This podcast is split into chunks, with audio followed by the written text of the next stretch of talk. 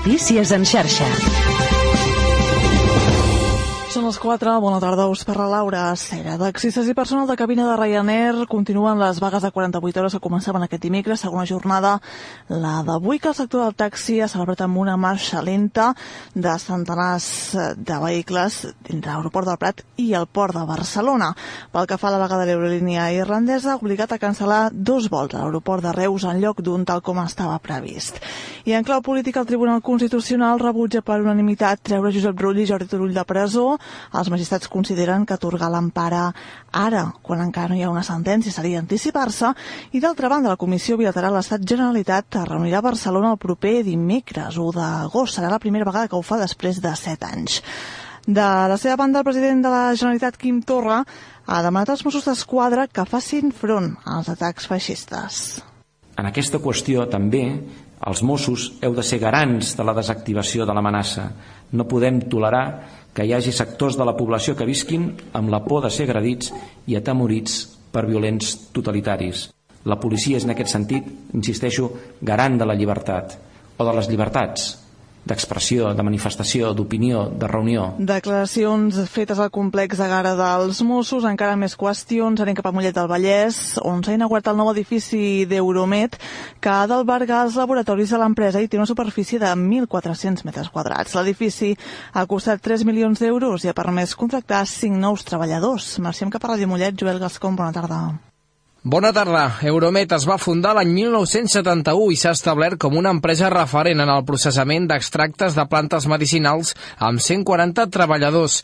El 97% de la producció de la companyia s'exporta a més de 35 països i disposa de seus a Alemanya, França i als Estats Units. El CEO de la companyia, Xavier Roig, ha destacat que aquest edifici és el futur de la companyia en l'àmbit I+D pel que fa referència al desenvolupament i extracció vegetal. Crec que és el, el futur de la companyia per la que fa referència a desenvolupament i segurament ja estic convençut que és un dels edificis referents mundials amb el tema d'extracció vegetal i per desenvolupament. Aquí en aquest edifici tenim moltes tècniques instrumentals estem considerats com uns laboratoris més importants d'Europa per les determinacions de plantes medicinals. Euromet ha invertit en els últims 10 anys 20 milions d'euros a la planta de producció de Mollet i ha facturat 57 milions d'euros. Està previst que aquest any 2018 la companyia facturi un 10% més. I la capital de la Garrotxa acomiadava ahir les germanes carmelites Badrunes. Marc Vila, des de la televisió, bona tarda, explica'ns. Bona tarda. La residència Sant Jaume d'Olot va gaudir ahir, com cada 25 de juliol, dels actes de celebració, però els d'aquest any no han estat uns qualsevols. Ahir es va retre un homenatge a les germanes carmelites Badrunes d'Olot. L'homenatge va ser un acte de reconeixement a la congregació que deixa la ciutat després de 171 anys de servei a l'hospital. Els actes van començar amb la xerrada a l'Hospital Sant Jaume i la comunitat religiosa de les Carmelites de l'historiador Jep Costa, que va posar en valor la feina feta per les germanes a l'hospital. Que s'ha arribat un punt que les infermeres eh, han començat a substituir gradualment lo que és les germanes i han fet una, una, una altra funció. Però realment en aquests anys d'història realment qui ha aguantat el que és el tasca diària ha estat les germanes a l'acte, les germanes Pilar, Clàudia i Magdalena, acompanyades de l'alcalde i un nombrós públic assistent, van descobrir una placa commemorativa en honor a Joaquima Badruna. Les germanes es retiren a una residència que la congregació té a Caldes de Malavella. Acabem explicant que l'incendi forestal de Tivissa a la Ribera d'Ebre ja està estabilitzat.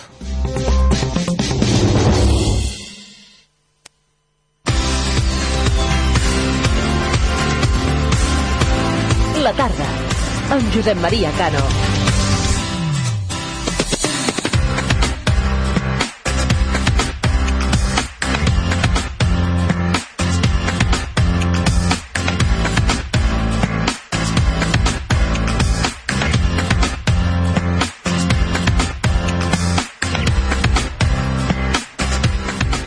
Pues ándale, buenas tardes amigos desde Radio Río Alto. ¿Cómo estamos? Com anem? Benvingut.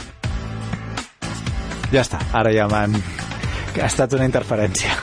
Què tal? Bona tarda, benvinguts. Uh, arrenquem una... la penúltima edició de la tarda, la última que farem des dels estudis uh, centrals de Radio Orange uh, per tots vosaltres. De fet, hem estat uh, bueno, tota la temporada acompanyant-vos des d'aquí de, des i, i, demà, i demà ho farem des de des del carrer, des, del, des de la placeta, des dels jardins que hi ha allà a la, a la maternitat. Ha estat un plaer poder veure i poder acompanyar-vos des d'aquesta 17a planta de l'edifici Calisai, eh, una planta que ens, eh, bueno, des d'on es veu pràcticament tota la badia del Maresme i poder veure com diàriament doncs, eh, el canvi de llum, el sol, l'entrada de les embarcacions, els diferents ports, des d'aquí divisem Mataró, divisem Arenys, veiem els dies clars, veiem fins i tot el far de Barcelona com, com s'il·lumina. No hem pogut veure Mallorca, tot i que ens hagués agradat, però, però bé, és un, és un plaer cada tarda estar, estar des d'aquí en aquesta talaia meravellosa doncs, explicant-vos l'actualitat d'un país que queda just als nostres peus. Si voleu veniu a veure, és a dir, estem a la Riera Parafita, número 31, a l'edifici Calissai, doncs veureu doncs, allò, un edifici alt, amb una xemeneia, i el, bueno, el capdamunt de la xumaneia gairebé nosaltres uh, és, és, el que, és el que tenim és, som la radioantena doncs bueno, escolteu que, que avui estem aquí amb, amb tots vosaltres que som una colla, bueno, una colla de set? ni això però que en tot cas eh, bueno, ho fem amb molt bona voluntat i molta, i molta il·lusió. Si demà no teniu res a fer i, i si el que teniu a fer és poc important, veniu-nos a veure, que ens farà molta il·lusió. Estarem allà a la maternitat David Valverde munta l'escenari, no sabem on encara, però estem allà a la maternitat, que com que no és gran ni res, us podeu passejar una estona per trobar-nos, però que ja ho direm, ja ho direm a través de les xarxes socials, farem un white point, perquè Wayne Point, perquè ho trobeu eh? anirem allà i pam, passarem al, al d'allò i no sé, tenia moltes coses a explicar avui però realment si ara arrenco no cal, no? Si ara, no, no cal si ara arrenco doncs ens en farà les 7 i jo estaré aquí explicant coses per tant, eh, faig l'entrada sempre bueno, l'entrada de cada dia però la de veritat us acompanyem quatre emissores, eh, una direcció que és l'Eduard Virgili, eh, la, i un equip que són l'Ivan López i en David Valverde, que són els que això són, en Dida Calcàntara, la Lali Ginel, Oriol Puig, la Carlota Tanganelli, la Isabel González i qui us parla en Josep Maria Cano. Estarem amb vosaltres fins a les 7 en punt de la tarda amb un programa que bueno, avui passa per quatre eixos, aquí, allà i l'altra banda, i ja està. La tarda, el valor de la proximitat.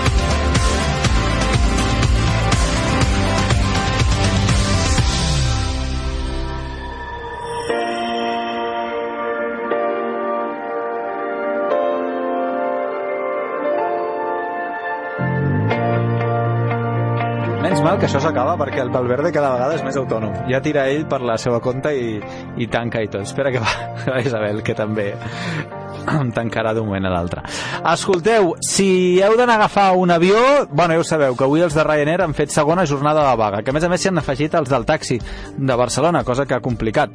I, i demà hi ha els de la Renfe, de la CGT, ja veurem quina incidència té, però demà hi ha els de, els de la Renfe. Vaja, que hem arribat al principi de les vacances de molta gent i estem en aquella temporada, en aquella època, en què qui més qui menys fa una aturada, una reivindicació i, i una i una manifestació.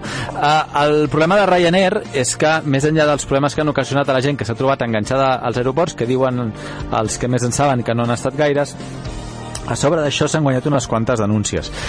Primer perquè han, han anunciat en passar a encarregar-se uns 300 treballadors aproximadament que són els que, els que fumarien al carrer cosa de eh, indubtable manca de moralitat i dubtosa legalitat, almenys a la nostra, però com que no s'agafaran a la nostra, doncs eh, bueno, tenen certa llibertat. Però a més a més de tot això, és que a sobre el telèfon de les reclamacions no és gratuït i clar, això ha generat eh, una denúncia per part de la Federació de, de Consumidors i Usuaris, la FACUA. En tot cas, nosaltres a aquesta hora de la tarda en volem parlar no només d'aquesta denúncia, sinó també volem eh, parlar de què ha de fer un viatger, què ha de fer una persona quan es trobi en un aeroport i sigui víctima d'una vaga o una concentració d'aquestes característiques. Per això saludem a l'altre costat del telèfon el Miguel Ángel Serrano, que és eh, miembro del equipo jurídico de Facua. Miguel Ángel Serrano, buenas tardes, bienvenido. Hola, ¿qué tal?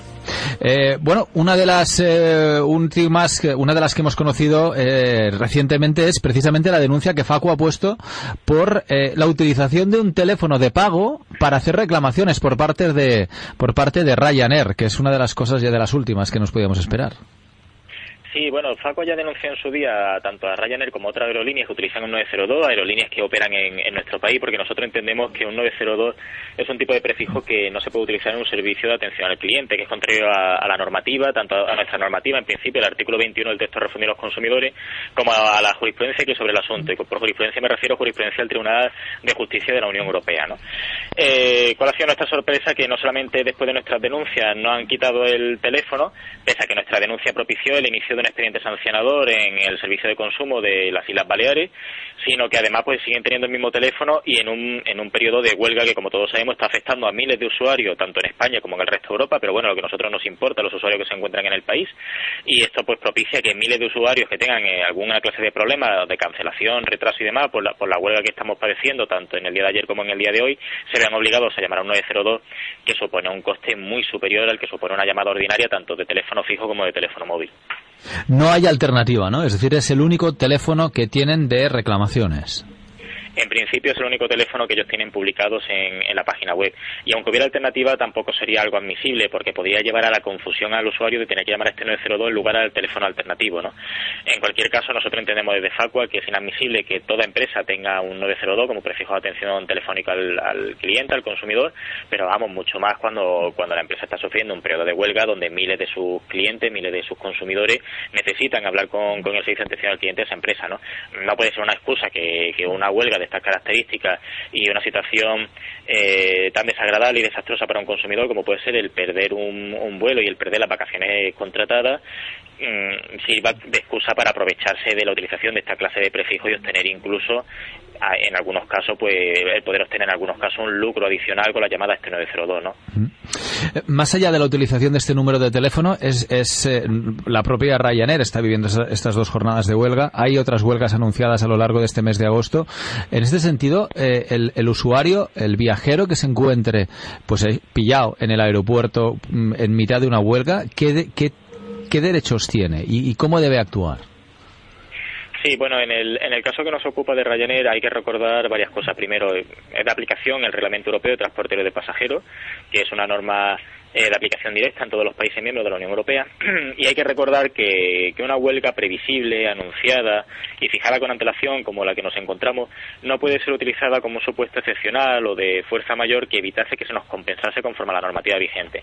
Este reglamento europeo recoge una serie de compensaciones por cancelación y retraso que van en función del kilometraje del vuelo, que son obligadas para la empresa de, eh, con todos los consumidores que hayan padecido alguna clase de cancelación o de retraso eh, y tiene que aplicarse de manera directa. No es excusa la existencia de la huelga para no aplicar esta, estas compensaciones.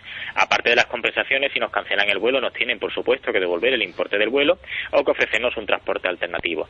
Y con independencia de todo esto, el consumidor siempre va a poder reclamar cualquier clase de indemnización por cualquier otro daño y perjuicio que pudiera haber padecido. Por ejemplo, la pérdida del hotel contratado, la pérdida de un vuelo de enlace, la pérdida del vuelo de vuelta o incluso los daños morales que pudiera, que pudiera haber padecido como consecuencia de la pérdida de esas vacaciones contratadas que tiene su origen precisamente en el incumplimiento del contrato de transporte por parte de Ryanair. Pero para que esto suceda, eh, para entendernos, hemos de encontrarnos en el problema. Lo digo porque, claro, hay gente que dice, bueno, como han anunciado huelgas para, el, para los días que yo tengo vuelo, ¿no? Porque sé, para el 26 o 27 de julio, pues antes de que lleguen estas jornadas ya me busco alternativas. Error. Si se hacen este tipo de cambios, quedan auto, automáticamente excluidos de todas estas coberturas, ¿o no? Bueno, a ver, en principio para poder tener esta clase de cobertura tenemos que ser afectados, es decir, nos tiene que cancelar el vuelo y que nuestro vuelo sea afectado, ¿no? Ahora es perfectamente comprensible aquel consumidor que para evitar perder el viaje, porque no podemos olvidar que el consumidor, la práctica totalidad de ellos, la intención que tiene es realizar ese viaje contratado, no que se le indemnice de alguna forma, ¿no? Entonces, perfectamente legítimo que ese consumidor busque una vía alternativa por el riesgo precisamente a perder esta, a perder este vuelo, ¿no? Pero si el vuelo es afectado, puede reclamar toda, toda esta clase de compensaciones. De todas formas, nosotros desde Facua también hemos dirigido al Ministerio de Fomento solicitando un cambio normativo. Mm. Entendemos y sirva también para, para aclarar que nosotros desde FAUCA como organización de consumidores respetamos, como no podría ser otra forma, de manera escrupulosa el derecho de huelga, pero entendemos que cuando una huelga de este tipo se anuncia o, o es previsible que ocurra, la normativa debería posibilitar que el consumidor exigiese a la empresa la cancelación gratuita de su vuelo, obteniendo la devolución del importe del billete, para que en ese momento tuviera margen de poder contratar un transporte alternativo y así no perder y así no perder su viaje. Actualmente lo que ocurre es lo que estábamos comentando. La compañía aérea te puede cancelar el vuelo incluso en la misma puerta de embarque, que es lo que ha ocurrido a un montón de usuarios. Más de 20 vuelos han cancelado en la misma puerta de embarque y no fueron previamente notificados por parte de Ryanair, ¿no? Entonces, evidentemente, en esa situación el consumidor no tiene margen de actuación alguna para garantizar lo que él pretende, que es realizar su viaje, no ser indemnizado de, ninguna forma, ¿no? Por ello, desde FACUA nos hemos dirigido al Ministerio de Fomento solicitando que se realice un cambio normativo en este sentido. Eh, dos cuestiones. Por vuestra experiencia, eh, hoy estos días estamos hablando de Ryanair. ¿Hay eh, compañías mejores y compañías peores por lo que por lo que vosotros veis ve, veis eh, diariamente? Bueno, a ver, es conocido por parte de todos los consumidores que dependiendo de la, de la compañía puede tener eh, una predisposición mayor o menor a tratar de mejor forma al, al, usuario, ¿no? En cualquier caso, lo que sí hay que recordar es que la normativa vigente es de obligado cumplimiento para todas las aerolíneas que operen en nuestro país y concretamente el reglamento europeo al que antes hacía referencia es de obligado cumplimiento para todas las aerolíneas que operen en el ámbito aéreo de, de los países miembros de la Unión Europea. ¿no? ¿Qué quiere decir esto? Quiere decir que el modelo de bajo coste no puede ser una excusa para no compensar a los usuarios conforme dice la normativa vigente. El hecho de que sea Ryanair o cualquier otra aerolínea de bajo coste no les exime de la responsabilidad que exige el ordenamiento vigente. Hasta ahí podíamos llegar. ¿no? Ahora, será ya decisión de cada consumidor el volar con una aerolínea u otra en función del tipo de prestaciones que le dé, del precio del billete y de la fama mejor o peor que pueda tener esa aerolínea. Pero también a mí me gustaría llamar a la reflexión en el sentido de que muchas veces el consumidor tampoco puede elegir realmente con qué aerolínea volar, porque claro, si del punto A al punto B solamente me hace el trayecto una aerolínea, realmente yo como consumidor tengo la opción de poder elegir esa aerolínea son cuestiones que habría que plantearse. ¿no? En todo caso, llega una época de vacaciones, eh, llega una época de viajes, una época de desplazamientos y como es habitual, eh, nos encontramos, pues, eh, bueno, hoy, hoy la huelga de Ryanair, ah, también huelgas de transporte locales, en Cataluña, en Barcelona hay huelga de taxis, que es ciertamente importante, o huelga de Renfe, que también está como cada mañana para, para muchos usuarios. Es, es, es habitual, nos estamos acostumbrando ya, Estas, este tipo de entrevistas empiezan a formar parte de lo que diríamos la los hábitos del verano ya. Bueno, como decía antes, nosotros desde, desde Facua respetamos escrupulosamente el derecho de huelga y es cierto que el sector transporte concretamente, pues evidentemente cuando, va a hacer la huelga cuando más daño haga ¿no? a la empresa y ese daño pues va a ser mayor siempre en época vocacional. Ahora, también lo que hay que plantearse es que no es de recibo que el principal perjudicado siempre sea el mismo, que es la parte más desprotegida en este caso que el consumidor. No es de recibo que miles de personas tengan que verse eh, con su vuelo cancelado, tengan que verse sin, sin alternativa de ningún tipo de, de ningún tipo ni económica ni, ni de trayecto alternativo, o que incluso la aerolínea en este caso se pueda tomar la, la diligencia de, de, decir que no que no reubica al pasajero en, en, un hotel mientras le da otro vuelo alternativo, pese a que la pese a que la, la normativa lo, lo pueda exigir, ¿no? En fin, desde luego es comprensible el derecho de huelga, es más que respetable, es un derecho fundamental, pero también hay que tener en cuenta que muchas veces los consumidores son los principales afectados y el consumidor no tiene por qué padecer la vicisitud que tenga una empresa con sus trabajadores o viceversa. Pues eh, esperemos que alguien lo aprenda. Eh, evidentemente, derecho a huelga a tope, el, que pasa es que siempre estamos con la misma historia. Miguel Ángel, muchísimas gracias por habernos atendido, que vaya muy bien. Muchas gracias a vosotros, un saludo. Xales amb nosaltres? Siguis on siguis des de qualsevol dispositiu i amb la millor qualitat, descobreix els millors continguts de proximitat que et faran xalar. Entra a xala.cat o descarrega't les aplicacions. Tota la temporada castellera com mai l'havies vist. Xala, l'única plataforma que té castells. Que no t'enredin.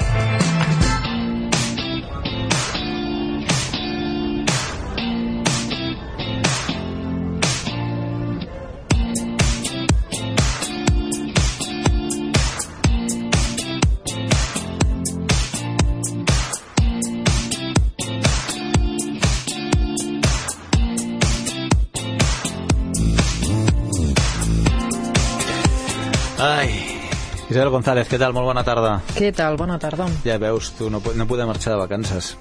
Per estar-te la vida en un aeroport, ja veus. És que això de... Pots estar de vacances sense haver de marxar. Ja. A casa, a casa s'està molt bé, també. Ah, a casa, no me dic. Aquí, ens, aquí ja ens passem hores. Ja no, sí, prou. De fet, hem fet les vacances i hasta mitja vida hem fet aquí. Sobretot tu. Jo, jo últimament. Perdona, jo aquí com un rellotge cada matí a les 9, pam, preparat a fer el Go Meeting. Eh? Després és el director que diu, no, a les 12. I a les 12 no cal. Bueno, uh, renyaran un dia. Sort que ja no queda temps. Uh, escolta'm, de què hem vingut a parlar? Ah, sí, hem vingut a parlar de les 23 emissores que, que fan possible aquest programa. De fet, a Materlo en són moltes més.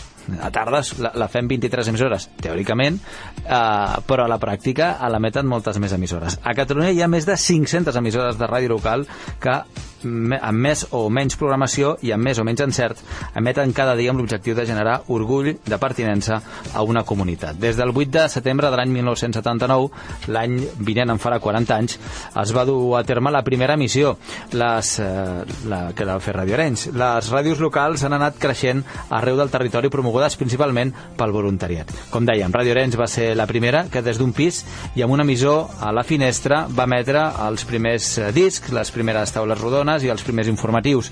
Igual que moltes emissores que en els seus orígens van estar en pisos, botigues, pàrquings o, o casals socials. Del 79 al 85 l'efervescència radiofònica municipal va ser brutal, bé sigui per veïns que volien ser periodistes o bé per administracions que no volien perdre el trem d'aquesta nova onada de comunicació. Creixien emissores locals amb emissors de fortuna que, un cop trobada una freqüència lliure a la seva zona, l'ocupaven amb informació local i tot allò que tenien al seu abast. Link, L'empresa Link va ser també una empresa que va tenir molta importància. Va servir molts dels equips que usaven en aquells que s'usaven en aquells inicis, les unitats mòbils, les taules de so o els distribuïdors de microfonia, a més dels emissors, eren equips coincidents amb moltíssimes ràdios. De fet, en moltes d'elles, alguns d'aquests equips encara estan operatius. Les publicitats en caset, les cintes de Revox o la incorporació dels CDs com a substitució com a substituïdors dels discs van ser millores tècniques que van sovintejar al llarg dels anys 80. 80.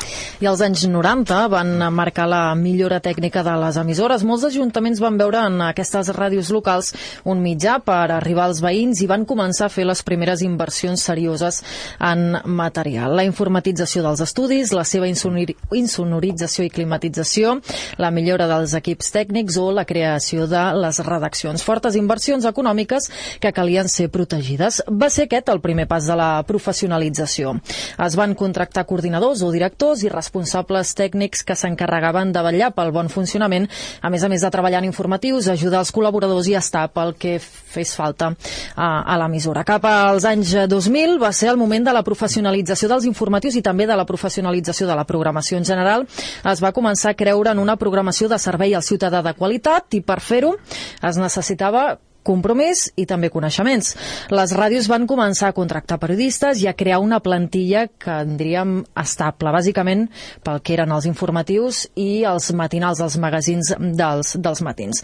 El 2010 va ser la incorporació de les xarxes socials i els portals eh, webs per ser presents a, a internet, també el servei streaming i la ràdio a la carta. I a partir del 2012 la xarxa de comunicació local comença a oferir serveis a les ràdios locals, diners programació, assessorament legal i tècnic i comença a crear consciència de grup entre les diferents emissores. Aquest programa, la tarda, és el màxim exponent d'aquesta voluntat de ser alguna cosa més que una anècdota en aquest context de, de país. Tot això no seria possible sense la figura dels voluntaris, dels col·laboradors que han sobreviscut tot aquest allau de canvis i que continuen a dia d'avui sent peça clau en el dia a dia de les emissores locals. Nosaltres avui hem parlat amb Josep González Valles, director de Ràdio Arenys, la degana de les emissores locals per saber quin paper han jugat els voluntaris al llarg de, de la història de les ràdios. Si parlem des del primer dia, el paper que han jugat és capdalt, no? perquè són els qui posen en marxa les emissores locals.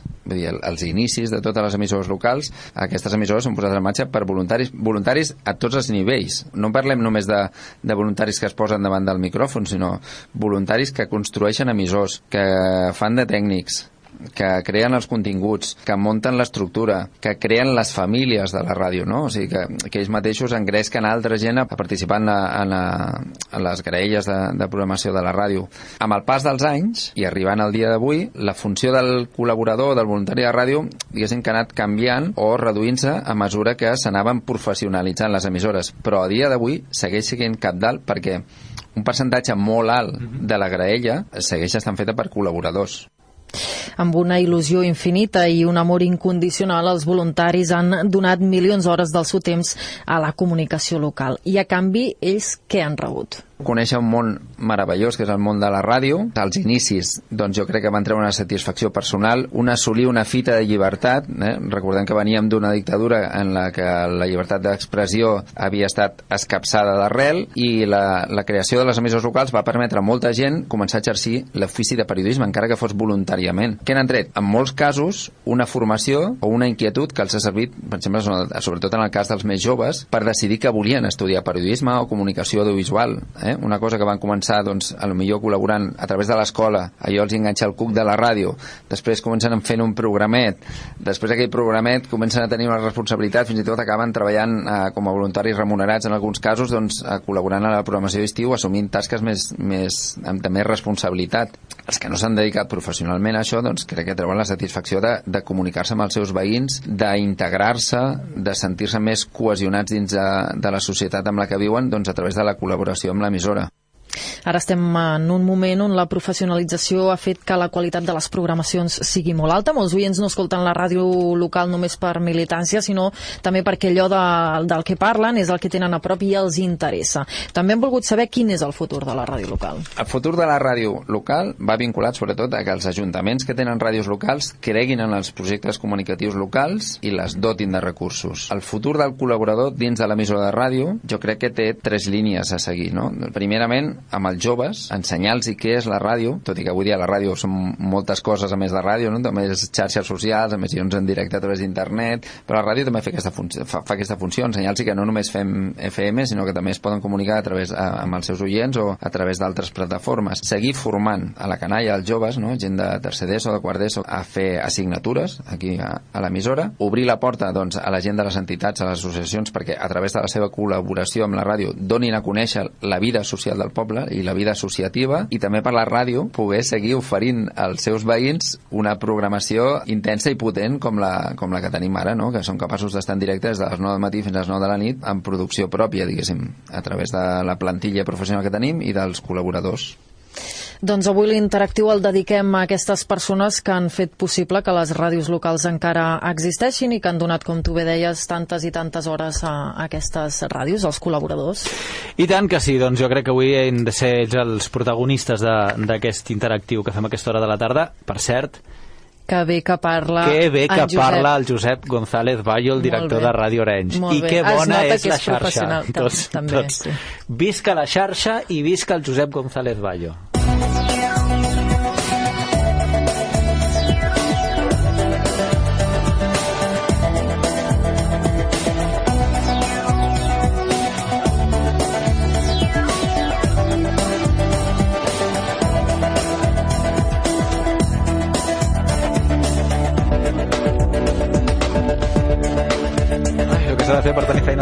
Escolta'm, comencem a, comencem a, a donar un cop d'ull pel, pel territori a, i a presentar col·laboradors i a presentar també a, amics que ens acompanyen a aquesta hora de la tarda, si us sembla, a, comencem pel nord, fem de nord a sud avui, comencem per l'escala i comencem coneixent a, aquestes veus que han acompanyat les ràdios locals durant anys, des dels primers temps. Dali Giné, des de Ràdio L'Escala, molt bona tarda. Bona tarda. Uh, doncs sí, comencem parlant d'aquests col·laboradors històrics de, de la ràdio. Avui ens acompanya precisament en Jordi Piqué, que col·labora amb Ràdio L'Escala des de ja fa un munt d'anys. Jo diria que des de quasi, quasi els inicis, ara ens ho, ara ens sí, ho confirmarà, sí, ens diu que sí. Doncs.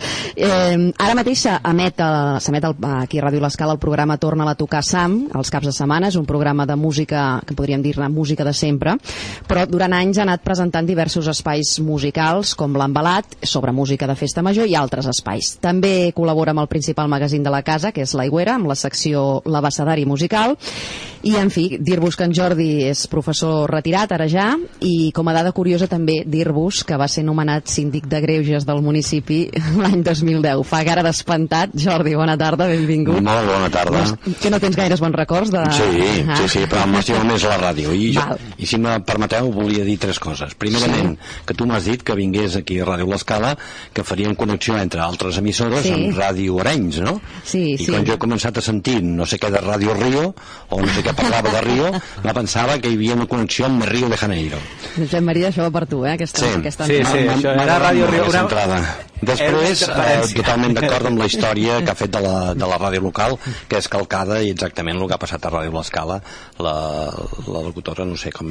La Isabel. La Isabel, això, parlava de... no ho recordava, exactament. Grans que mi reportatges, de- per cert, els que fa l'Isabel. I tant. No, vull Sí. que aprofito per dir que són, són bons. Digues, digues, endavant. Sí, sí, no, no, vull dir que mentre anava dient veia ben bé la història de la Anava- ràdio nostra. Anava fent que sí amb el cap. Exacte, exacte. I després en Josep també ha fet una, una definició dels col·laboradors que també és el mateix que, que penso. Vull dir, quasi, quasi, com aquell qui diu, no, no, no en tenim gaire res més a dir, a menys que sigui una cosa concreta de la nostra ràdio, perquè, eh, de, la, de la local d'aquí. Va, doncs anem a concretar. Uh, Sí. Tu quin, quin, recordes el, el primer programa que vas fer? Quin va ser i quan? Sí, el primer programa va ser doncs, a la primera setmana d'octubre de l'any 84.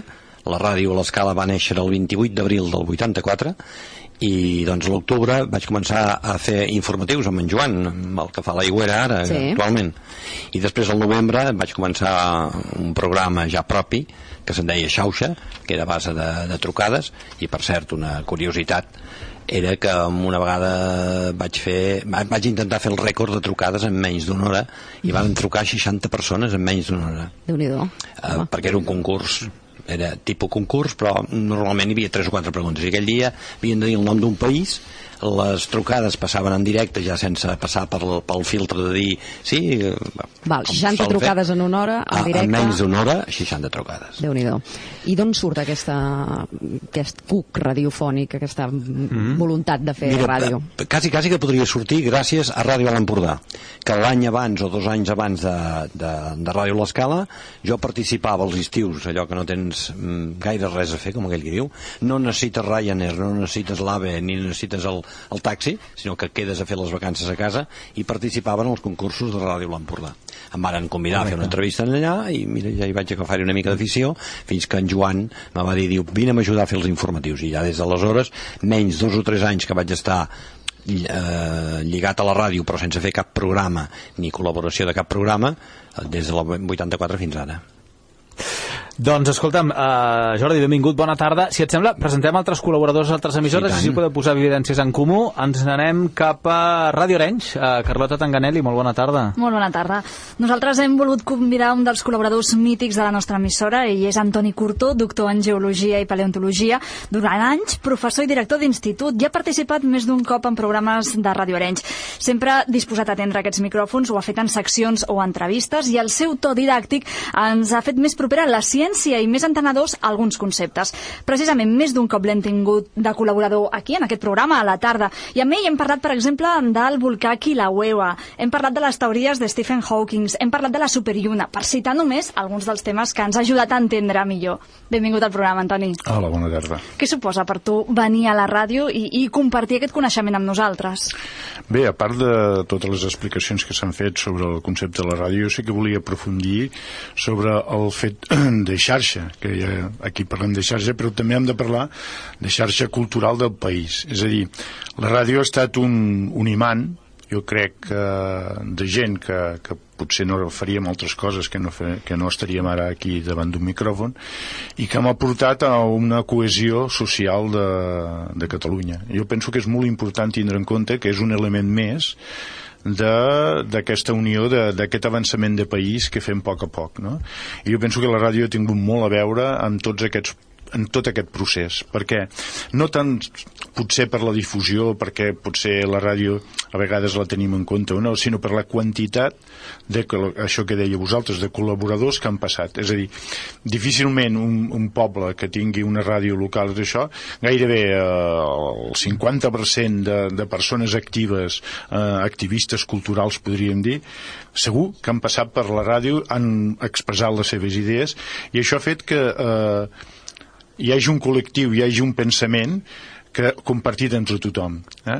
Una cosa, és una cosa molt curiosa i fa que justament una, la transcendència, i, i la història segurament ho, ho posarà al seu lloc, la transcendència que tindrà o no després el nostre país, un dels puntals serà el, el, aquest imant, aquest agumbolament no? de, de la gent entorn a la ràdio.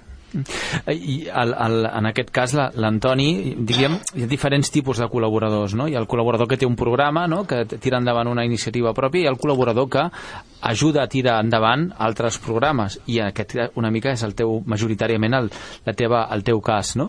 Uh, però des d'un punt de vista i m'agafo això que tu dius eh?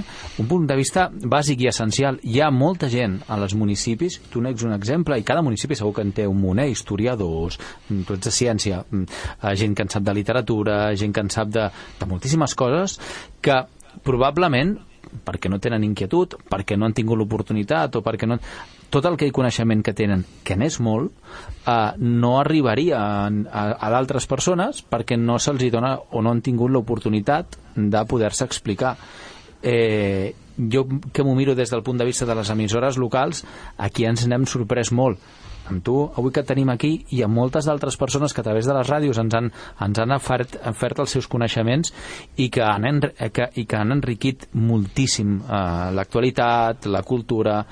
Eh, això és, això és un valor que tenim i que és, i que és fonamental, penso. Sí, i a més a més és, és allò que dius existeixes si algú diu que existeixes.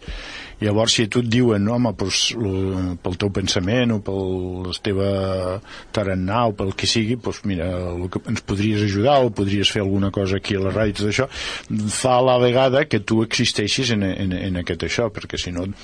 Jo l'eridotisme i posat a casa i tancat en una habitació no l'entenc, vull dir, perquè penso que el coneixement és un, és un element que s'ha d'expandir, eh, s'ha de eh, donar a tothom, ha de ser el, el coneixement ha d'estar obert a tothom i per tant una persona que sàpiga molt però això no, no té transcendència doncs et quedes en no res Saludo més, més eh, tertulians i així posem vivències en comú. Me'n vaig fins a Ràdio Castellà. Jordi Rius, bona tarda. Hola, bona tarda, Josep Maria. Doncs es pot dir que la nostra col·laboradora viu en passió al món de la cuina i de la ràdio. Gairebé cada dia penja una recepta al seu blog i Instagram, que es diu Tapa't de Tapes, que ho recomano seguir. A Castellà fa a l'actual televisió l'espai Quins Fogons, eh, que en altres temporades també va tenir la seva versió ràdio aquí i a Ràdio Castellà i també a la xarxa, uns microespais que feia um, a la xarxa. El que deia Josep Maria, la ràdio ha parlat de cuina de nens, de cuines d'aprofitament, de cuina d'estiu. Bona Bona tarda, Marina. Molt bona tarda a tothom. Gràcies per ser aquí, tenint en compte que estàs de vacances. Gràcies a vosaltres. I ens has fet un forat per estar amb nosaltres. La cuina és molt radiofònica, justament? Doncs sí, suposo que per això he vingut. Ah, molt bé. Perquè sempre, sempre ve de gust parlar de cuina i fer-ho a través de la ràdio doncs, té aquest component màgic en què tu expliques i l'altre s'imagina.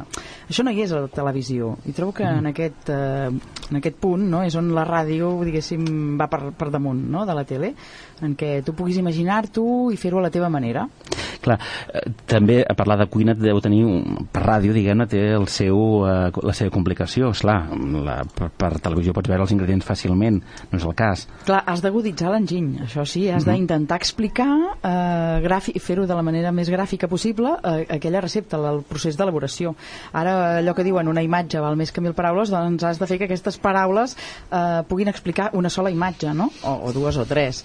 Però però eh, és, és, és la gràcia no? també d'explicar les receptes de fet els llibres més antics de cuina no tenien fotografies, només uh mhm. -huh. tenien text Exacte. per tant encara la dificultat era afegida que ho havien d'escriure doncs, en, un, en una pàgina, dues, les que fossin perquè la recepta s'entengués no? Mm. de fons sentireu a, a l'Arlet que és sí. la filla de la Marina que també l'ha acompanyat uh, justament, uh, Marina uh, tu vas començar a la ràdio quan tenies 16 anys doncs 14 anys. 14, 14 anys 14 va ser la primera vegada que Explica'm vaig una mica de trajectòria, la ràdio. Sí.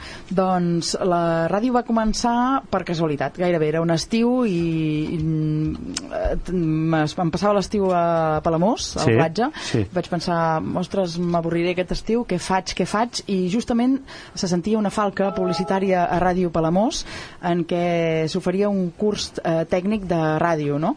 I a mi ja m'agradava molt aquest mitjà i vaig pensar, per què no? no? Clar, era un curs adreçat a més a més a joves, clar, ja et dic, tenia 14 anys, m'hi vaig apuntar, vaig passar-me tot l'estiu fent aquest curs de ràdio i m'ho vaig passar pipa, vam fins i tot fer les pràctiques a Ràdio Nacional i, bueno, i vam aprendre moltíssimes coses i després quan vam acabar aquest curs ens donaven un títol de tècnic de ràdio i d'entre tots els que havien fet aquell curset ens seleccionaven uns quants eh, per seguir fent continuïtat eh, durant l'any fent Ràdio Fórmula i mira, ves per on em van seleccionar. Uh, per uh -huh. tant vaig seguir uh, durant l'any. Si, si bé ja els caps de setmana i prou perquè doncs, durant el curs uh, estudiava aquí a Sabadell però vaig seguir fent caps de setmana a ràdio, a l'estiu següent també, a molta ràdio fórmula, eh, mm, treballàvem molt amb discos de vinil encara, Mhm. amb, amb Revox fins i tot, amb, Cartutxeres. amb cartutxeres, Mhm. amb Déu-n'hi-do. minidisc després, vull dir que tot aquest procés de tecnificació de la ràdio el vaig viure ja dins de la ràdio, no? Ràdio Palamós primer, Ràdio Barberà després, eh, Ràdio Matadepera durant un temps també, Ràdio Costa Brava i finalment Ràdio Castellà. Que Doncs, eh, Marina, ara, ara seguim recollint uh, vivències teves. Presento el darrer convidat, el tenim als estudis d'Altafulla Ràdio, amb l'Eduard Virgili. Eduard, què tal? Molt bona tarda. Molt bona tarda, doncs eh, aquest convidat és, podríem dir, tota una personalitat. Eh, ens acompanya ara mateix des d'aquí als estudis d'Altafulla Ràdio. De fet, aquesta temporada l'hem tingut al programa en més d'una ocasió com a amant de la política que és i, i ja que hem parlat de política perquè així ens ho ha portat a l'agenda. Segurament el recordareu, és el veí altafullenc de Socarrel, així li agrada que el presentem, Fonxo Blanc, un dels primers col·laboradors d'Altafulla Ràdio i que encara dia d'avui segueix venint cada setmana. Ha fet programes d'entrevistes en profunditat, programes de poesia i cançons, transmissions castelleres, seccions d'història, càpsules sobre la llengua catalana com a filòleg que és, i des de fa dues temporades cada dilluns té un espai al programa dels matins. Es diu Fem saltar la llebre, i ja us ho podeu imaginar que en Fonxo Blanc eh, fa saltar la llebre eh, i tot el poble després té conversa. Fonxo, bona tarda, com estàs? Bona tarda. Mira, jo sóc una persona que de petit eh, tenia, estava condemnat eh, per la granja de casa a pesar ous cada dia. Eh, precisament eh, fent migdiada he tingut un somni que tornava a haver de pesar i plegar ous i llavors la ràdio m'acompanyava Sí, la ràdio aquella època era Ràdio Peninsular i Ràdio Nacional i Ràdio Tarragona, que passaven al Rosari, per cert. Clar, jo ja tinc 64 anys. Llavors la ràdio sempre, sempre m'ha acompanyat. Sent del Barça no cal dir eh? La ràdio ja ho diuen et permet, fer, et pot et permet escoltar i fer, i fer altres coses no? Eh, I tu, un, I tu un dia prens una decisió que és la de, la de col·laborar amb Però- Altafulla Ràdio. Altafulla Ràdio encara no té 20 però, anys. Però això ve abans, eh? O sigui, eh, jo he, fet, jo he fet tota la meva vida laboral de professor d'institut de català a Vilafranca del Penedès i llavors vaig participar molts anys eh, a la ràdio de Vilafranca. Eh, sobretot a tertúlies, preferentment, evidentment, polítiques, que és la meva dèria. També, també hi havia uns petits fragments de, de música clàssica que es deia Parèntesis Sublims, i bé, la col·laboració a la, allà a Vilafranca s'acaba després de que faig de pregoner. O sigui, quan vaig arribar al cim, llavors em foten fora. Eh, mentrestant, eh, a l'institut hi havia una cosa que se'n deia l'ATP i després els crèdits variables i jo havia fet crèdits variables de periodisme. Per cert, a un d'ells vaig conèixer el Xavi Escrivà, que em sembla que encara és gerent de la xarxa, que és, de, que, és de, de, dels monjos i, i a l'Altafulla doncs vam començar l'experiència l'any 2000 i llavors era regidor i vaig voler eh, ja que som tots iguals davant del vot ho hem de ser també iguals davant de la biografia.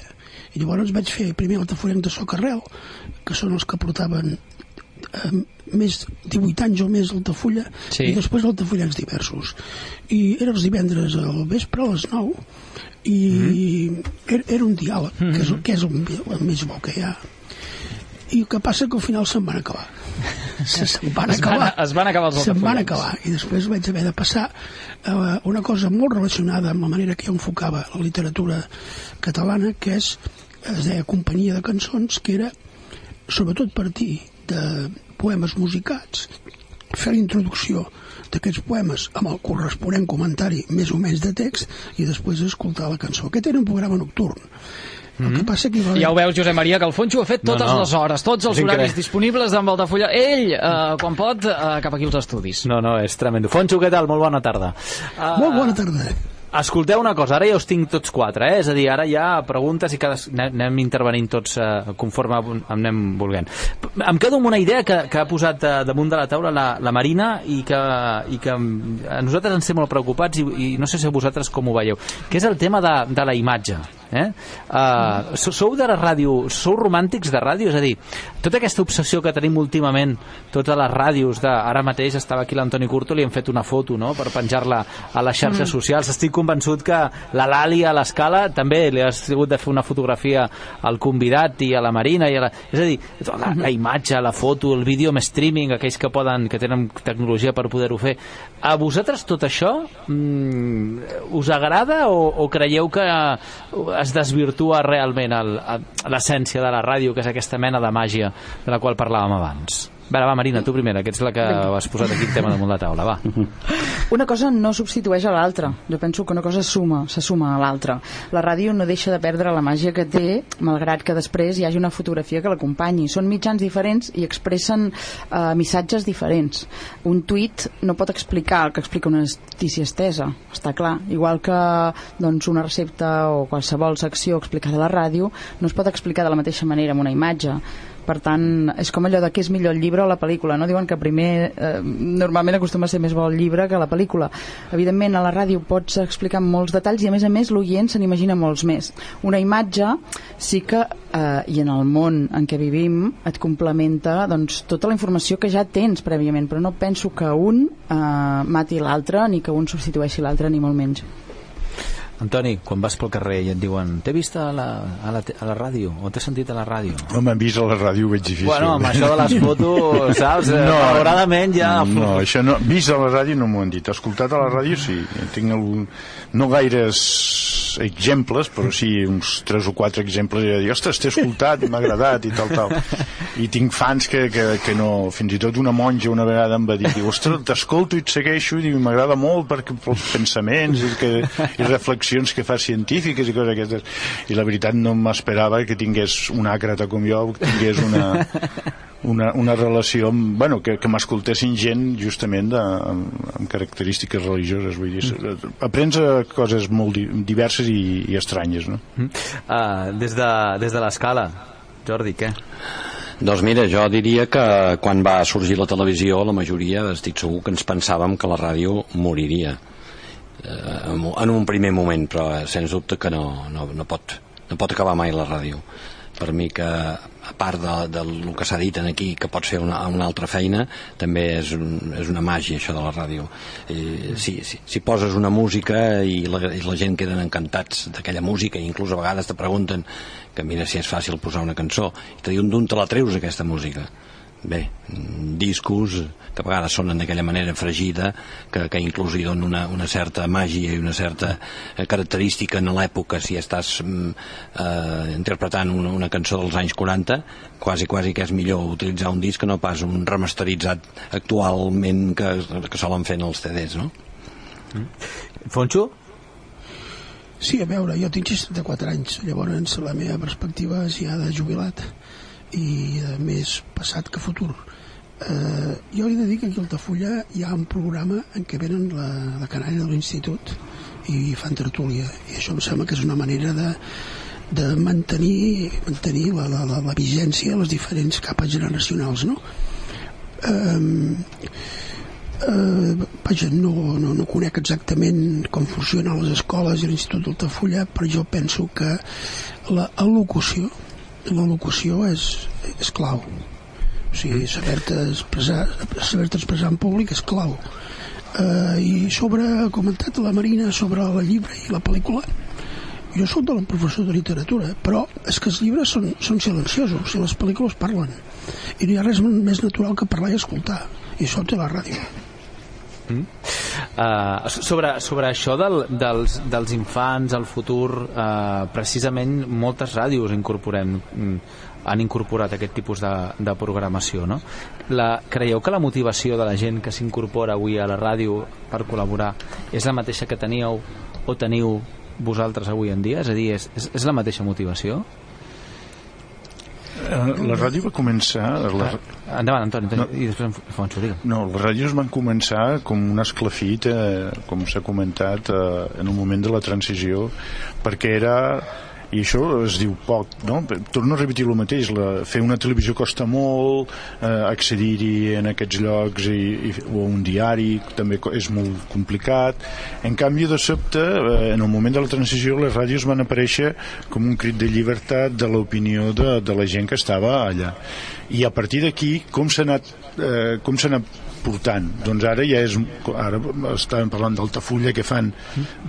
Perdó, això dels nens. Doncs aquí a Arenys també venen i fa molts anys ja que venen aquí ja des de primària o secundària i a la ràdio doncs també a Ràdio Arenys doncs també fan eh, el seu programa més o menys dirigit o una vegada exportats eh, amb una certa audiència eh, important no? jo penso que, que la ràdio té futur i sempre tindrà futur sempre quan faci això l'expressió de la gent del, de l'entorn on està no, eh, no pensar que faran coses de competició amb, la, amb les informacions dels diaris o de, de les televisions això no, mai podrà competir amb aquests medis però sí que pot competir un medi local mm. i el castellà locals... també ah, sí.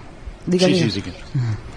No, i no simplement això i que, que els nanos que van que van apareixent a la ràdio i que, i que van anant i que es van formant van tenint aquest medi de comunicació com podria ser un altre. I jo penso que eh, el futur de la ràdio eh, jo, jo l'auguro però molt impressionant i molt bé. Vull dir, jo la veig amb un gran futur. Marina a Castellà també anava a dir, com els meus companys, també tenim un programa de ràdio infantil i juvenil que fa moltíssims anys que dura, el Quim Cacau, i que té molt bona acollida. Totes les escoles eh, han passat per Ràdio Castellà, que ja té uns quants anys, i de fet hi ha ara pares i mares que diuen jo quan era petit vaig passar per la ràdio i ara venen els meus fills. Eh, a mi em fa l'efecte que la ràdio és intergeneracional, que no té edat, que no és una cosa de grans ni és una cosa de nens, i que això si no s'ha perdut fins ara durant tots aquests anys no es perdrà tampoc. També confio plenament en la supervivència i, i, i durabilitat de, de la ràdio com a mitjà tan, tan potent com, com pugui ser la televisió. Uh, de, Escala, uh, Jordi Sí, doncs aquí a Ràdio L'Escala sí que hi havia, ara que estic recordant èpoques en què la mainada de col·legi havia participat. El que passa que a vegades també depèn molt del professorat que tingui el, aquells cursos que vols que participin, que els puguin motivar o que els preparin amb alguns temes i llavors puguin venir aquí a la ràdio a desenvolupar aquests temes, no? Però sí, me'n recordo d'una època que hi havia uns professors que mm, els, els portaven i ells mateixos, els professors, els presentaven i feien un programa mensual eh, mm -hmm. parlant de coses de l'escola i, i coses seves. Aprofitant una cosa que deia l'Antoni Curto, eh, parlava de, de, de per què la ràdio local tindrà sempre sentit i, i què és el que no ha de fer la ràdio local, que és competir amb les ràdios generalistes. A, a, a nosaltres, quan dic nosaltres, dic els, eh, els que diem que som professionals, o que de fet ho som, perquè vivim d'això, eh, ens preocupa molt el, el format, no? el, el format, la forma, el ritme, la presentació, el, els que tot entri a lloc, que tot pregunto, eh, i com a col·laboradors, per tant, vosaltres esteu a mig camí entre els que estem treballant a la ràdio i els que estan escoltant-nos a l'altra banda, si em permeteu que us, que us ubiqui aquí. Eh, no és, tan, no és tan important el format com el contingut? És a dir, preocupem-nos menys de que tot tingui un ritme, de que tot tingui una hora, i sortiu més al carrer a, a, a, a buscar aquella notícia de proximitat que està passant a sota de l'emissora on esteu? Mm, per aquí la ràdio ha de tindre una qualitat i, cada vegada les persones que ho porten són més professionals però això que tu dius és completament correcte. La ràdio local ha de tocar de peus a terra i ha de parlar del que hi ha aquí fora. I això la gent és el que l'escoltarà. I torno a repetir el mateix. Aquesta idea m'obsessiona no? les ràdios són cohesionadores de la societat catalana. I això és importantíssim de tindre en compte. Per tant han de ser l'expressió de la voluntat del poble. Vull dir que per tant de lo que expliqui ells això n'ha de tindre referència i això és el que farà que aquest país pugui avançar. Ponxo. Sí, a veure, la, la fórmula és eh, la proximitat, la singularitat i sobretot no caure en tentacions de voler tenir un abast que no, que no correspon. O sigui, tu tens la teva, la teva microàrea, els teus microtemes i el teu macroèxit, per dir-ho així. Eh? Per tindre el macroèxit has de tenir en compte que, que tot el teu àmbit és, és micro i evidentment té un interès específic i singular que sobretot depèn, aquí em sembla que s'ha dit molt al començament, dels sentiments de pertinença. Si, si un poble, una vila, una ciutat, estem parlant més, més aviat de viles, no? Eh, els pobles que estan, els pobles, les viles que estan sortint doncs tenen no sé quin tamany, si, si passeu de 10.000 habitants, Altafulla no, passa de 5. No, no. Doncs precisament tenim un tamany que d'alguna manera sí que eh, tens un sentiment de pertinença i per tant les coses pròpies les vols aprofundir i la ràdio les aprofundeix des d'un de, des ple fins a, fins a col·laboradors fins a conèixer diferents vilatans que tenen uns certs centres d'interessos els quals t'expliquen per la ràdio no? Mm. Ali o Jordi Ah, Digues. D'acord. Sí, Com que has dit l'Ali, jo pensava... Ah. No, ara, sí, sí, sí, sí. ara l'Ali parlarà per mi. Endavant, sí. Ali, fes veus. No, digues, digues. digues. Digues, Jordi. Ah, ja puc dir? Sí, sí. No, no, que sí, que sens dubte que la majoria de programes que tenen més audició, almenys aquí a l'escala, i suposo que per tot, són els uh, informatius i els, i els programes allà on s'informa de coses locals, clar, sens dubte. Jo diria que l'aigüera segurament és dels Exacte. que més... Sí. I després de cap de setmana també. Sí, la Cina també. em sona que és dels Bé, que bé, més escoltats. També.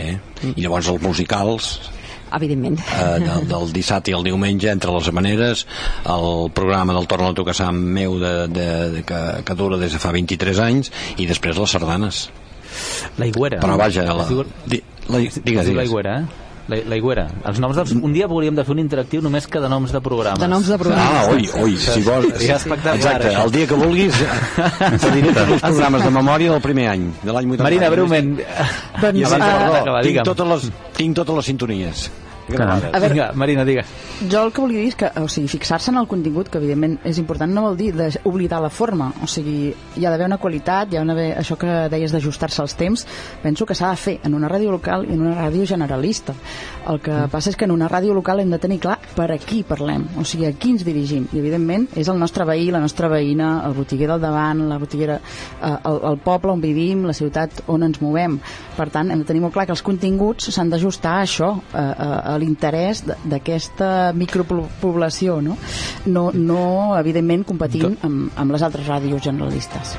Deixeu-me que m'ajusti jo el meu temps i que us acomiadi de manera ràpida a tots. Moltíssimes gràcies a en Jordi Piqué, l'Antoni Curto, la Marina Antonet i en Fonxo Blanc i a tots els companys que han estat ajudant a tirar endavant aquest interactiu. Uh, fins la propera. Gràcies. A reveure. A vosaltres. Adéu-siau. Adéu-siau. Xales amb nosaltres? Siguis on siguis des de qualsevol dispositiu i amb la millor qualitat, descobreix els millors continguts de proximitat que et faran xalar. Entra a xala.cat o descarrega't les aplicacions. Tota la temporada castellera com mai l'havies vist. Xala, l'única plataforma que té castells. Que no t'enredin.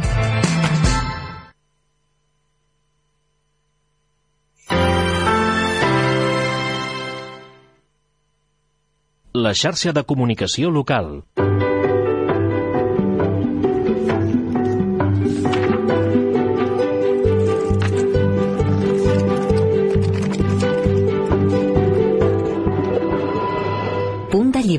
Amb Joan Fàbregas. Avui us vinc a presentar un llibre titulat La villa de les teles, de l'autora Anne Jacobs i publicat per Plaça Genés.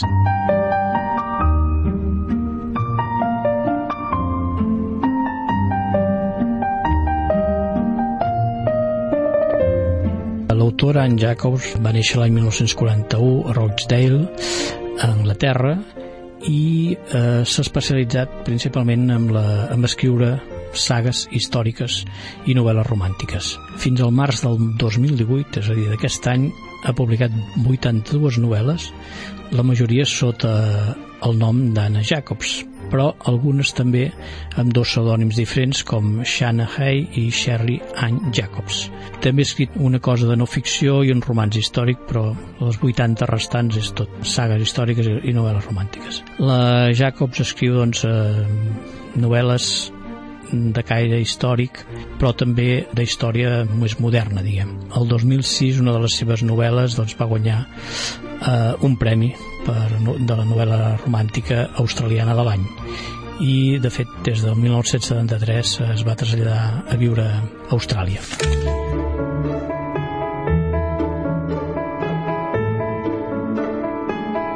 La novel·la tracta doncs, d'una saga familiar amb tots els elements d'una saga. Hi ha una mansió, hi ha una família poderosa i també hi ha un obscur secret. Eh, el destí d'una família numerosa en temps convulsos i un amor que tot ho pot, o sigui, tots els elements d'una saga romàntico-històrica. L'acció doncs, es desenvolupa a Augsburg el 1913, quan la jove Marie entra a treballar com a auxiliar a la cuina d'una impressionant vila del, de la família Melzer, que és una família rica dedicada a la indústria tèxtil. Mentre Marie, que és una pobra noia provinent d'un orfenat, lluita per obrir-se pas entre els criats, els Melzer esperen amb molta ànsia el començament de la nova temporada hivernal amb un ball de gala moment en el qual es presentarà en societat una de les filles, que és la, la vella Caterina. Però hi ha un fill, que és en Pol, que és l'hereu, que roman aliè a tot aquest enrenou i aquest bullici, ja que prefereix seguir fent la seva vida d'estudiant